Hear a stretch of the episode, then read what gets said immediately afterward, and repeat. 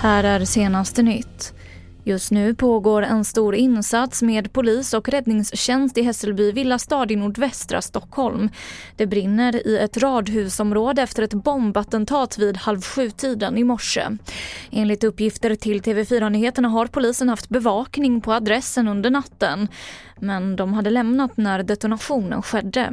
Två av personerna som är skrivna på adressen är häktade misstänkta för mord i samband med skjutningen i Jordbro i torsdags.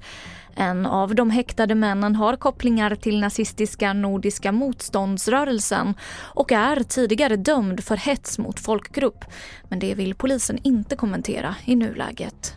Vi kommer att arbeta utifrån de kunskaper som vi har om personerna som bor i området, eh, annan underrättelseinformation vi, vi har om vad som händer i regionen som blir pusselläggande.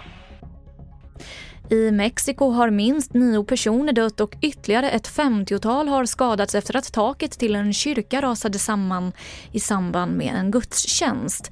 Enligt lokala medier fanns det ett hundratal personer i kyrkan varav omkring 20 personer fortfarande saknas och tros vara fast under rasmassorna.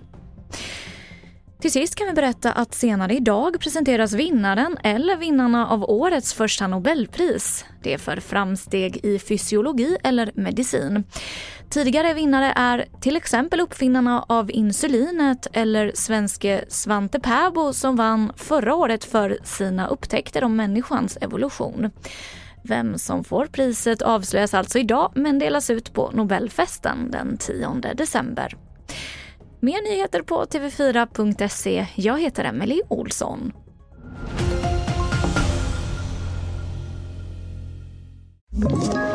Ett poddtips från Podplay.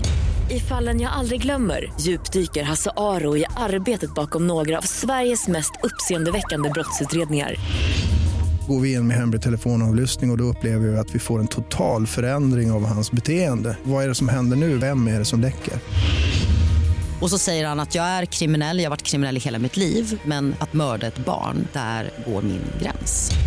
Nya säsongen av Fallen jag aldrig glömmer på Podplay.